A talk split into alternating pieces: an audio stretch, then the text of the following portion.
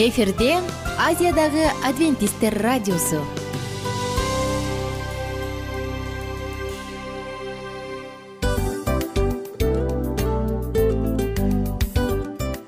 Салам достор. Ден соолук өмүр булагы. Жана биздин биринчи байлыгыбыз демекчи саламат саамы рубрикасына кош келдиңиздер. Бир да кишинин ооругусу келбегени айтпаса да түшүнүктүү анткени ооруганда жаныбыз кыйналганы аз келгенсип көп көйгөйлөр жаралышы да ыктымал. Андан тышкары жумушка же мектепке бара албай же үй бүлөбүзгө кам көрө албай калабыз. Ал эле эмес башка бирөөнүн бизге кам көрүшүнө муктаж болуп калышыбыз ыктымал.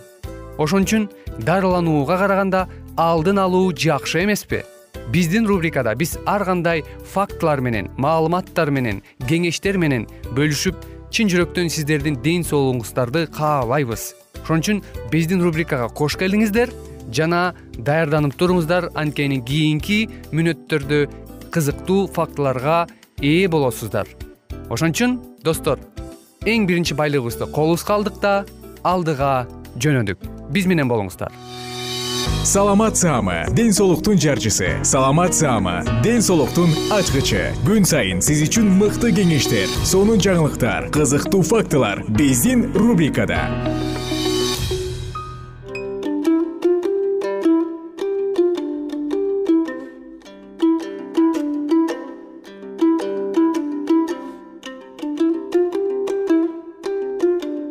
ассалому алейкум кадырман радио угармандар. Кайрадан сиздердин назарыңыздарда ден соолуктун ачкычтары программасында кездешип жатканыбызга өтө кубанычтабыз. Бүгүнкү программабыздын чыгарылышында биз чыныгы достук же болбосо дос туурасында кеп козгомокчубуз.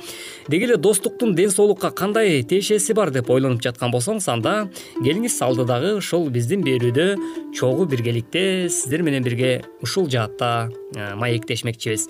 Анда эмесе достук туурасында деги эле айта кетсек достук деген эмне деген албетте ар бирибизде эле суроо дагы туулушу мүмкүн себеп дегенде достук ар бир адамдын э, жашоосунда боло турчу табигый же болбосо ушундай мыйзам ченемдүү көрүнүш эмеспи бирок достук деген эмне деген суроонун э, тегерегинде ой жүгүртө турган болсок качан адамдын чыныгы достору болгондо адам өзүн э, сөзсүз түрдө аябай бул жашоодо бактылуу ошол эле учурда ушунчалык кадыр барктуу сезет эмеспи тилекке каршы достук маселесин же болбосо достошуп жаткан адамыңыз кандайдыр бир деңгээлде сиздин жашооңузда Э, өзгөчө бир достук калп эле бир маскасын кийип алып десек да болот. Э, сиздин ошол иштеп жаткан кызматыңызга байланыштуу болобу же кандайдыр бир э, кадыр баркка ээ болуп турган учурда жөн эле дос болмуш болуп бирок өзүнүн жеке кызыкчылыктарын көздөө максатында дос боло турган болсо анда албетте ал чыныгы дос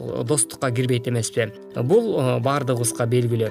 Бирок айрым учурларда ушундай жагдайларга да туш болгон учурлар болот. Мындай учурларда демек ошол өмүр бою дос болуп келе жатып бир убакыт келгенде балким ошол досуңуз сизди э, кандайдыр бир деңгээлде сатып кете турган болсо же болбосо ошол достук мамилеси солгундап кала турган болсо анда сиздин ден соолугуңузга дагы түздөн түз өзүнүн терс таасирин тийгизет эмеспи. Кандайча тийгизет деп ойлонуп жаткан болсоңуз анда э, сөзсүз түрдө ошол канча жылдан бери дос болуп келе жаткан адамыңыз эле бир күнү сизге каршы болуп чыга турган болсо же болбосо э, кандайдыр бир учурда достук мамиледен сизди чийип сала турган болсо анда сиз сөзсүз түрдө мунун натыйжасы эмоционалдык жактан депрессияга учурап же болбосо психологиялык жактан кандайдыр бир э, өзүңүзгө сокку алышыңыз ыктымал. Демек мындай достордон баягы оолак эле болгон жакшы болуш керек менимче. Менин досторум жок. Эмнеге мен дос күтө албаймбы деген суроо туулса керек ар бирибизде эле адамдар бири бири менен ар кандай мамилелерди түзүшөт экен. Алардын ичинен достор менен түзгөн мамиле э, чыныгы болуп саналат экен. Э, бул мамиле жөнөкөй принциптерден турат. Аларга бири бирин эч нерсе кереги деле жок. Бирок э, бирге болуу аларга жагат жана бул кызыктуу э, достук мамиле горизонталдуу болот экен. Бул жерде башкаруучу жана баш ийүүчү деген болбойт. Баардыгы бирдей статуста болушат. Өз эрки менен мында сен эч кимди мени менен дос бол деп э, кыйнай албайт экенсиң албетте кесиптешибиз сен айтып өткөндөй эле ошол эле учурда достук жана достуктун э, ортосунда же болбосо ошол достук менен карым катнаш болуп аткан учурдагы өзгөчөлүктөргө токтолуп өтсөк э, башкача айтканда бир аныктама берип өтсөк. Достук бул өз ара ишеничке же болбосо ошол сиздин өнөктөш болуп жаткан адамыңыз. Э, албетте ар бир адам кызыктар эмеспи. Жалпысынан алганда негизинен эле жакын мамилелердин ортосунда чыныгы достукта э, адам ортосундагы э, бул терең э, карым катнаштык же болбосо байланыш десек болот экен. Бул жаатта сөзсүз түрдө ошол сиздин дос болуп жаткан адамыңыз сиздин кыйынчылыгыңызга кандайдыр бир деңгээлде жардамдашуу же болбосо ошол сиздин кыйналып аткан учурда кыйынчылыгыңызга көмөк көрсөткөн жана эч убакта соодалашпаган жана эсептешпей туруп сизге өзүнүн достук аркылуу дагы сүйүү мамилесин көрсөтө алган адам бул чыныгы сиздин э, досуңуз болуп э, саналат экен. Эгерде сен э, дос болууну кааласаң анда байланыш түзүүгө даяр болуш керек. Ага дайыма көңүл бөлүп унутпай анын жашоосу менен кызыктар болуп ал киши менен катышып тура алам деп ишенишиңиз керек. Албетте ал адам тарабынан сага да ушундай мамиле болуусу абзел. Мисалы мен жакшы дос боло аламбы? Мага ишенсе болобу мен бирөөгө койгон талаптарга өзүм жооп беремби? деген суроолорго жооп табып андан дос күтө баштасаң болот ошо менен биргеликте эле достуктардын арасында дагы бул ишеним деген нерсе өтө чоң ролду ойнойт экен. Достор албетте бири бирине ишенимдүү болуусу дагы абзел экен. Башкача айтканда э, сиз дагы ошол өзүңүздүн өнөктөшүңүзгө же болбосо өзүңүздүн дос э, болуп жүргөн адамыңызга өзүңүз канчалык деңгээлде ишенимдүүсүз. Э, ал багытты дагы эске алып сиз дагы өзүңүздү мындайча айтканда баягы достук деген кадыр барктан сиз өзүңүздүн кадыр баркыңызды түшүрүп албаш үчүн сиз дагы ошого татыктуу мамиле кылышыңыз дагы өтө э, бул жакшы сапаттардын бири экен. Эгерде ушул достук жаатта бири бириңерге ишеним көрсөтө албай кандайдыр бир ич ара ыйкы тыйкы мамилелер боло турган болсо анда бул сиздин дагы ден соолугуңузга түздөн түз өзүнүн терс сапаттарын алып келет экен. Буга эмнелер келет э, албетте биз жогоруда айтып өткөндөй эле э, ошол кан басымдын көтөрүлүшү же болбосо кандайдыр бир күтүлбөгөн жаман кырдаалдарга дагы дуушар болуп ыктымал экен. Эгерде сиз жакшы дос күткүңүз келсе анда бул пайдалуу кеңештерди дагы э, кулагыңызга күмүш сырга болсун. Чынчылдык ачыктык биз чын эле чынчыл болушубуз керек экен. Анан досторубуздун ортосунда кандайдыр бир купуя сыр болбош керек окшойт э улан? Ооба сөзсүз түрдө. Анткени эки адам дос болгон соң ар бир маселе кандай гана э, ички абалда бир э, башка адамдарга айта албаган сырларды досуң менен бөлүшүү дагы бул достукту огош бетерин менин көз карашымда бекемдейт деп ойлойм ооба алар дагы тилектеш ортоктош болуш керек экен. Анан бирин бири уга билүү керек экен.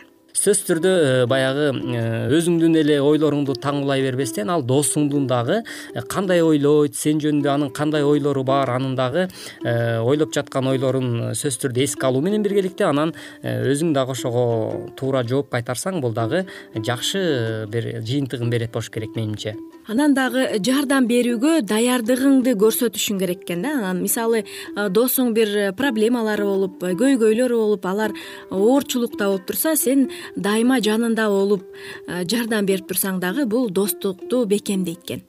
Сөзсүз түрдө достор негизинен эле баягы кандай гана кырдаал болбосун кандай гана кыйынчылык болбосун ошол учурда тезинен баягы чуркап барып баягы ичип аткан мындайча айтканда ашыңды таштай коюп дос дегенде э, баягы чуркап жөнөйт эмессиңби э, мына ушундай достор менин көз карашымда чыныгы достор болуп саналат. Чыныгы дос болуп жана түбөлүккө достукту бекем сактай берели деген тилек менен бүгүнкү программабыздын каалыгасын жапмакчыбыз. Кийинки берүүбүздөн кезишкенче сак саламатта калыңыздар саламат саама ден соолуктун жарчысы. Саламат саама ден соолуктун ачкычы. Күн сайын сиз үчүн мыкты кеңештер сонун жаңылыктар кызыктуу фактылар биздин рубрикада.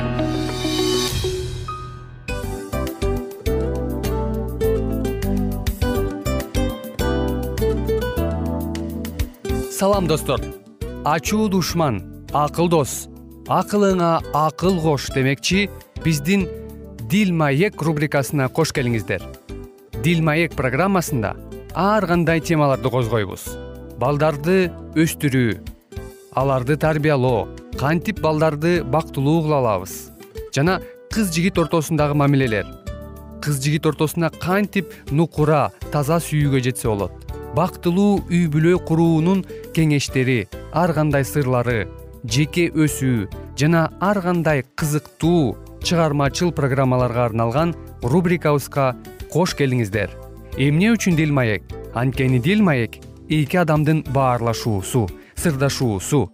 Сизди да биз менен сырдашууга чакырабыз. Анда эмесе кийинки он мүнөттүк убакытта сиздер менен чын жүрөктөн сырдашып баарлашабыз.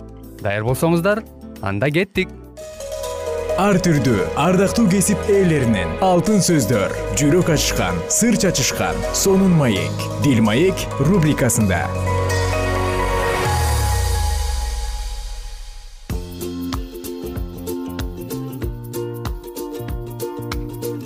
Саламатсыңарбы достор.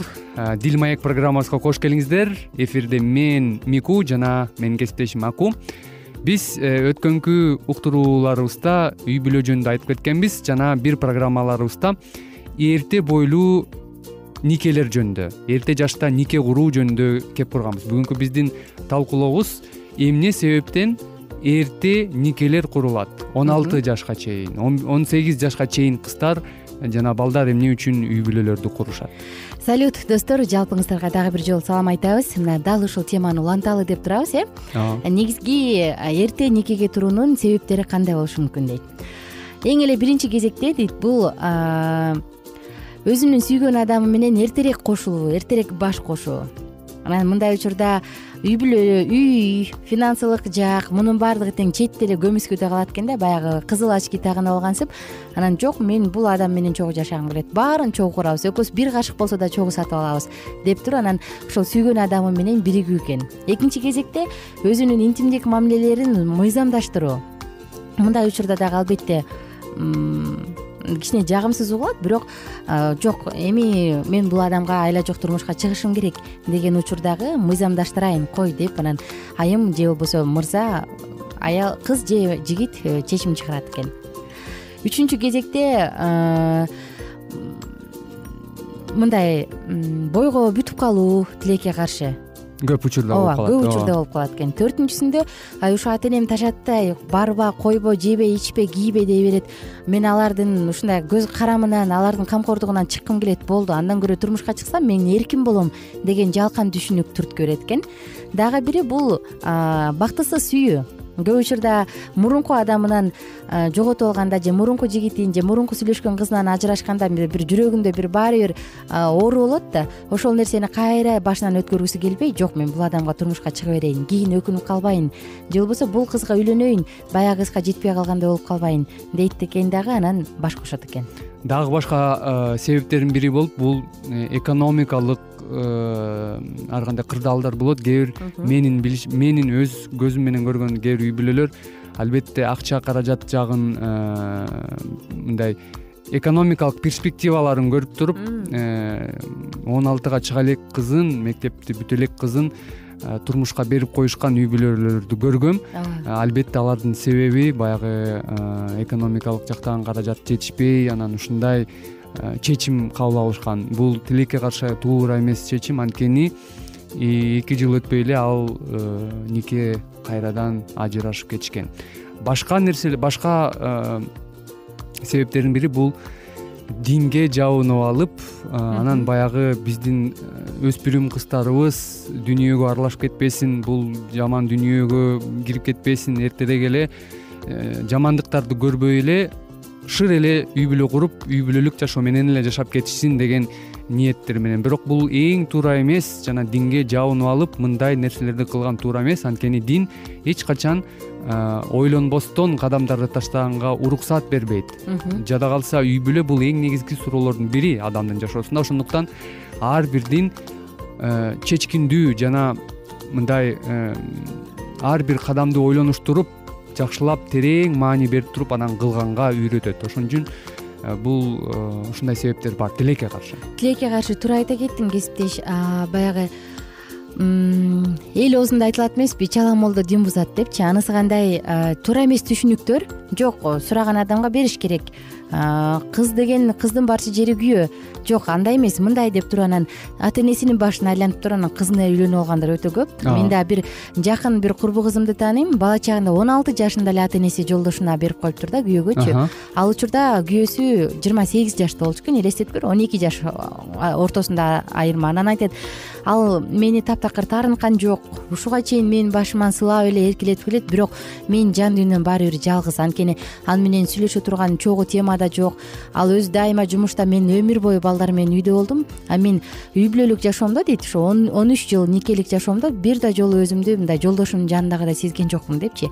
Анан кой кызым жалгыз калып калат карадал болуп калбасын. Же болбосо ай бул калыңын жакшы берет экен же бул жигиттин колунда бар кызым оор болбойт деп бере турган болсоңуз анын жан дүйнөсүн да ойлонуш керек э? Анын акылын анын аң сезимин жан дүйнөсүн жүрөгүн да ойлонгон ашыктык кылбас тилекке каршы мындай учурлар көп анан ала качып кетүү көп. Жигиттин мисалы ата мен үйлөнөм десе алып кел кызыңды ал болбосо эртең башкасын ала аласың кетип калса мейли деген ата эненин дагы туура эмес түшүнүгү ооба. балдарды жигиттерди туура эмес кадамдарга барганга түртөт.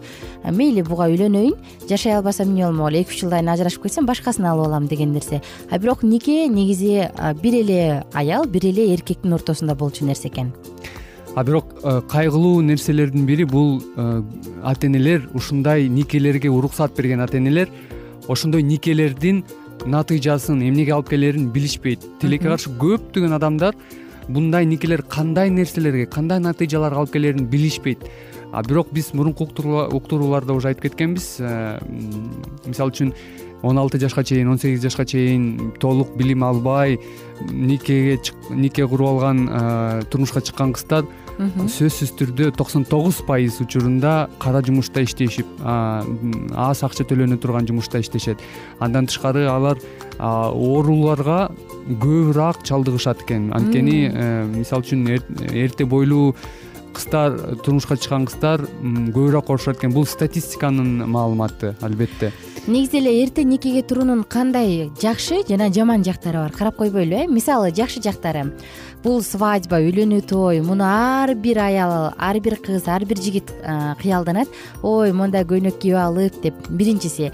Экинчи кезекте ооздукталбай турган сезим аны ойлонбостон ар жагын бир жагын ойлонбостон ошол сезимге алдырат дагы анан сүйүктүүсүнө баш кошот. Үчүнчүсү нормалдуу нерв системасы дешет кээ бирлери айтат жаш кезинде бала баягы үй бүлө курса булар үйдөгү турмуштагы ар кандай кыйынчылыктарды оңой жеңишет деп ойлошот. Үчүнчү кезекте эркиндик мисалы ага чейин ата энеси тыйып келген болсо эми келинчегин үйгө отургузуп коюп каалаганын кыла берет анан кээ бири айтат жаш куракта өзүнүн мүнөзү көбүрөөк ийилчээк болот депчи. Батыраак баш ийет батыраак үйрөнөт батыраак көнөт деп кийинкиси жумуш. Кээ бирлери айтат да жаш бирок үй бүлөсү бар адамдарды башкаруу оңой деп айтышат экен. Элестетип көр бул да карасаң мындай кул кылганга оңоюраак деп айтышат экен да анан кийин кайсы бир адамдардын айтуусу боюнча аял заты жыйырма жаштан отуз жашка чейин бала төрөсө оңоюраак болот деп айтышат экен. Бул жакшы жактары экен. Эми жаман жактарын сөз кылбайлыбы эми жаман жактарын буга чейин минус жактарын. Э, минус жактары албетте мен айтып кеттим бул развод же ажырашуунун э, мүмкүнчүлүгү аябай жетимиш сексен пайызга чейин көтөрүлөт. Экинчиден оору ар кандай ооруларга дуушар болуу бул жаш кезде турмушка чыккан кыздар көбүрөөк ооруйт. Андан тышкары Э, төмөн иштерде кара жумуштуу жумуштарда иштешет. Анткени билими жок э, жетиштүү мындай маалымат баягы билимсиз болгондуктан жакшы жумуштарга иштей алышпайт андан тышкары алар деген ушундай уруш жаңжалдарга э, үй бүлө зомбулуулукка абдан көп чалдыгышат. Бул дагы эрте чыгып баягы кыздар ушундай Э, жаман жактарга туш келип калгандар бар. Көптөгөн бүгүнкү күндө иштеп жаткан уюмдарда баягы аялдарга э, ажырашып кеткен ташталып кеткен сабалган аялдарга жардам берген уюмдарда көптөгөн э, аялдар тилекке каршы ошол он алты он сегиз жашка чейин чыккан кыздар. Анан дагы дагы бир нерсе бул каалоосуз эле күтүлбөгөн жерден балалуу болуп калуу экен. Бул баланын жашоосу үчүн өтө эле коркунучтуу нерсе.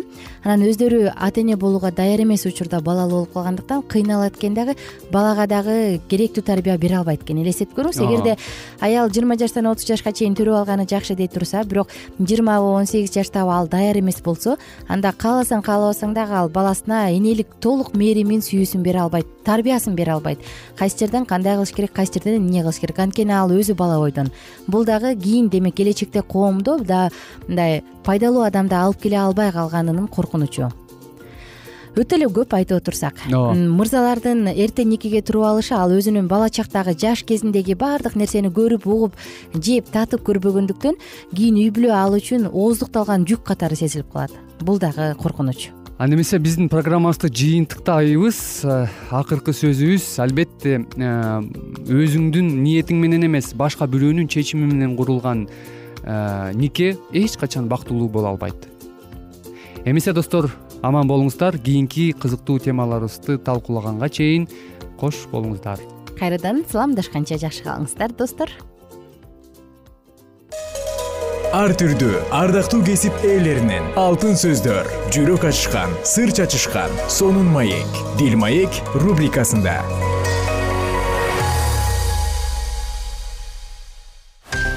Жан дүйнөңдү байыткан жүрөгүңдү азыктанткан жашооңо маңыз тартуулаган жан азык рубрикасы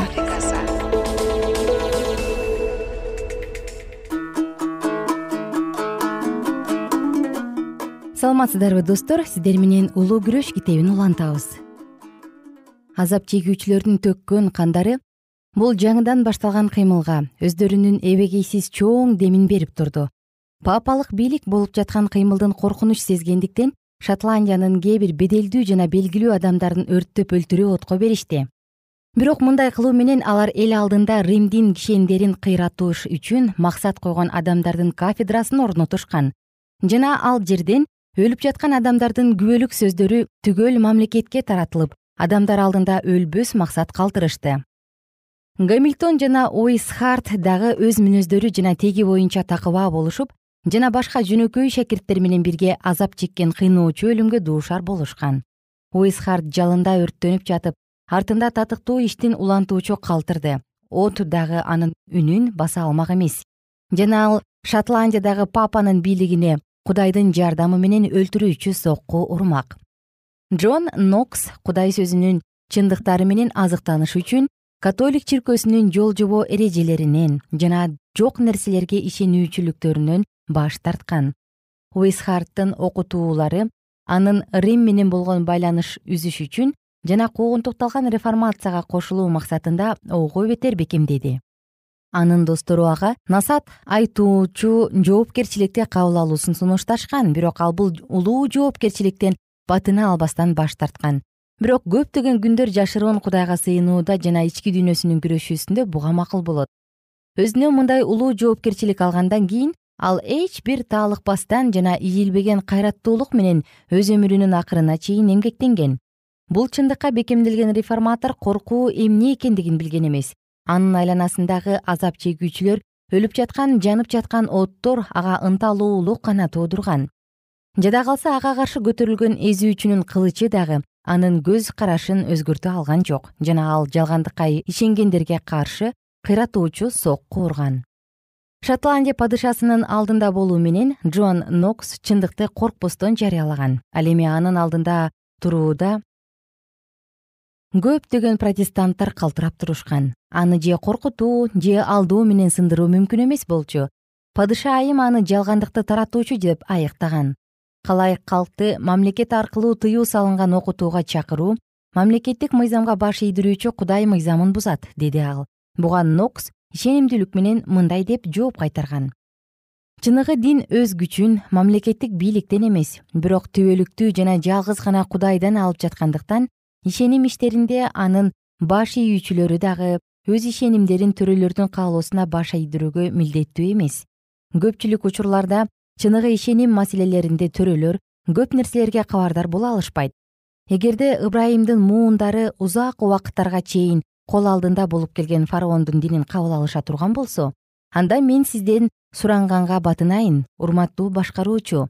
Анда биздин учурдагы адамдар кимдин кудайына кызмат кылышат эле жана элчилердин күнүндө бардыгы римдин римдик кесардын динин кабыл алышкан болсо анда азыр жер үстүндө кимдин дини башчылык кылат эле? Демек мырза айым сиз көрүп турасыз кол алдыңыздагы адамдар мамлекеттин бийлигине баш ийүүгө милдеттүү болсо дагы өз башчыларынын динин кабыл ала албайт. Буга алар милдеттүү эмес. Бул сөздөрдү уккандан кийин мария мындай деп сурады сиз ыйык жазууну башкача түшүндүрүп жаткан болсоңуз ал эми римдик католик чиркөөсү башкача талкуулап жатышат. Эми мен кимиңерге ишенишим керек жана кимиңер муну түшүндүрө аласыңар. Сиз өз сөзүндө баарын ачык жана айкын айтып калтырган теңирге ишенишиңиз керек деди реформатор. Өз сөз эмнени окутуп жатса ошого ишениңиз. Ал сөздү ар кандай кылып талкуулап жаткан адамдарга эмес. Кудай сөзү өзүнөн өзү түшүнүктүү. Ал эми кээ бир жерлери түшүнүксүз болуп кала турган болсо анда өзүнө өзү эч качан каршылык келтирбеген кудайдын руху бул жерлерди да башка бир аяттардын негизинде түшүндүрүп берүүгө жардамдашат. Ошондуктан өз түркөйлүгүндө кудай сөзүнө каршы турган адамдардан башка адамдарга кудай сөздөрү түшүнүктүү болуп кала тургандыгы күмөнсүз. Падыша айымдын катышуусунда эч нерседен коркпостон өз өмүрүн тобокелдикке салып реформатор чындык жөнүндө күбөлөндүргөн ушундай эле эр жүрөктүүлүктү менен ал өз алдына койгон максатын көздөй акыры шотландия биротоло папанын бийлигинен бошонуп чыкканга чейин сыйынып жана теңирдин иши үчүн күрөшүп жүрүп олтурду. Англияда дагы протестантизмди мамлекеттик дин катары кабыл алгандык куугунтук толук токтоп калбаса дагы бирок анын баштагы каарын кестикин түрдө басаңдатты баштагы көп сандаган диний теориялардан баш тартылган бирок көп сандаган сырткы католик жол жоболордон сакталып кала берди. Папанын башкы бийлигине көп деле маани берилбей калгандыгы менен жыйындын башында мамлекеттик башкаруучу турду. Жана өтүп жаткан жыйындагы кызматтар чыныгы тазалык жана жөнөкөйлүктөн бөлүнүп турган. Дин эркиндигинин улуу негиздери өзүндөй болуп кабыл алына элек эле рим жалган окутууларга каршы күрөшкөн сыяктуу протестант башчылары кээде өздөрүнө адамдар менен мамиле кылууда колдоно калышканы менен адамдардын өз абери боюнча кудайга кызмат кылгандыгы дагы таанылбай калып жатты. Бардыгы атайын кабыл алынган жыйындын милдеттерин түздөн түз кабыл алышып жана алардын койгон жол жобо мыйзамдарын толугу менен аткарышмак. Ал эми андан тышкары ой жүгүрткөн адамдар жүз жылдардын аралыгында аздыр көптүр куугунтукка кабылышкан он жетинчи кылымда миңдеген дин кызматчылар жумуштан кыскартылган. Мамлекет аркылуу каралбаган башка жыйындарда кызмат өткөрүү акча каражатын төлөө айыбына камакка алынууга жана куугунтукка кабылуу коркунучун туудурган. Теңирге бүт жүрөгү менен берилген адамдар өз кызматтарын жана жалпы сыйынууларын караңгы далда жерлерде жана үйдүн чатырларында ал эми жылуу кечирилик мезгилдерде алардын жыйын өткөрө турган жайлары чытырман токойлор болгон жана ушул чытырман токойлордун арасында кудайдын колу аркылуу тургузулган сыйынуу жайларында чачырап таралган жана куугунтукталган кудай уулдары чогулушуп муңдарын ыраазычылык сыйынууларында өз кудайына айтып кайрылышкан.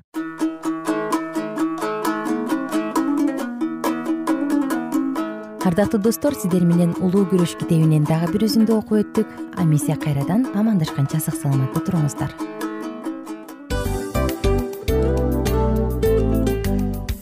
мына ушинтип убакыт дагы тез өтүп кетет экен. Биз дагы радио уктуруубуздун аягына келип жеттик келип кубандырдыңар эми кетип кубандыргыла деп тамашалап калышат эмеспи? Анысы кандай? Радио баракчабызды программабызды азыр эле баштап аткандай болдук элек. Мына соңуна келдик э? Негизи убакыт э, билинбей өтүп кетет экен?